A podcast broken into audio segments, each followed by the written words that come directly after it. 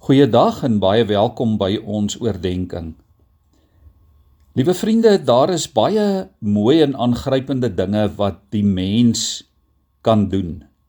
Daar is baie mense wat pragtige kunswerke kan vorm. Baie mense kan mooi skilder. Daar is ander weer wat mooi kan sing of musiek kan maak. Sommige mense kan skryf of 'n gebou ontwerp iets met hulle hande maak wat mooi en spesiaal is.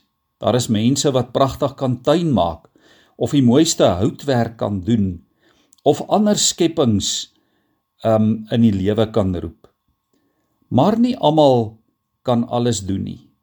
En daar is baie mense, baie van ons dalk wat wonder of daar enige iets mooi of kunstig is wat ons kan doen.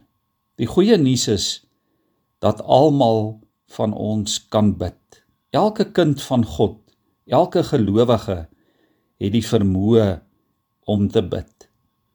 En om te bid is seker een van die mooiste dinge wat jy en ek ooit in ons lewe sal kan doen.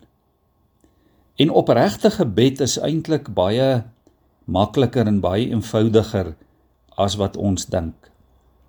Opregte gebed het nie allerhande fiteriasies nie. Opregte gebed loop nie allerhande draaie nie. Dit sê iets van 'n lewe naby God, 'n lewe in God se teenwoordigheid. Opregte gebed kom ook diep uit 'n mens se hart. Dit kry dit ook nie eintlik reg om valse motiewe weg te steek nie. Opregte gebed is seker van die van die mooiste en van die suiwerste kommunikasie wat ons ooit in hierdie lewe sal kry. En die wonder van gebed is dat dit daaroor gaan dat die Heilige Gees, die Gees van God, die Heilige Gees wat ons harte en ons lewens ken, dat dit juis die Gees van God is wat vir ons intree terwyl ons bid. In eenvoudige taal leer Romeine 8 dit vir ons dat die Gees in werklikheid ons onbeholpe woorde in ons gebede vat en dit vorm tot iets wat waardig is voor die troon van God. Ek wil vir ons lees uit Romeine 8 hier in vers 26 lees ons die Gees staan ons ook in ons swakheid by. Ons weet nie wat en hoe ons behoort te bid nie maar die Gees self pleit vir ons met versigtings wat nie met woorde gesê kan word nie. Ek dink elkeen van ons het dit al iewers op 'n een of ander stadium van ons lewe beleef. In 'n een of ander omstandigheid waar dit vir ons moeilik was om te bid. Of waar ons gebid het en gewonder het of die Here ons ooit hoor. Waar dit dalk vir jou gevoel het jy bid teen die plafon vas of dat jou gebed geen uitkoms gaan hê nie. Die wonderlike van ons gebede hang nie af van onsself nie. Dit hang nie af van ons eie insigte nie. Dit is die resultaat van die genadige werk van die Heilige Gees self. Dit was Henry Nouwen wat per geleentheid gesê het dat daar net een manier is om te bid en dit is om te bid. En daar is ook net een manier om goed te bid, het hy gesê. En dit is om baie te bid. Die woord van die Here roep ook vir ons op om onder alle omstandighede te bid.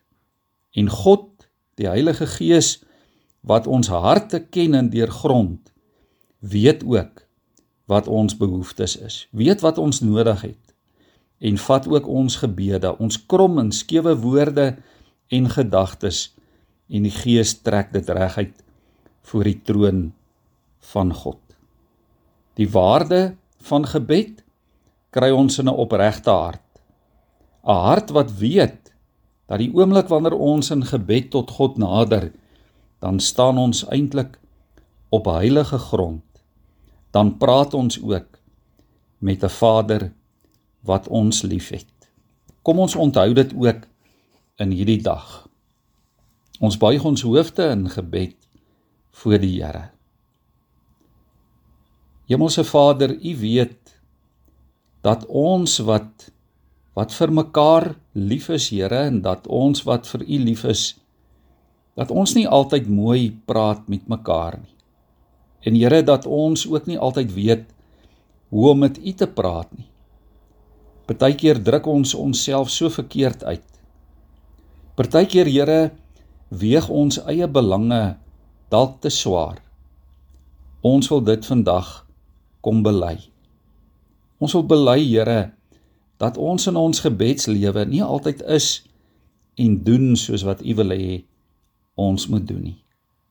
Maar dankie Gees van van God dat U ons woorde neem en dit omvorm tot iets wat waardig is voor die troon van God. Dankie dat ons kan weet dat ons U kinders is en dat ons met al ons versigtings na U toe kan kom. Dankie dat U ons gebede verhoor. Amen.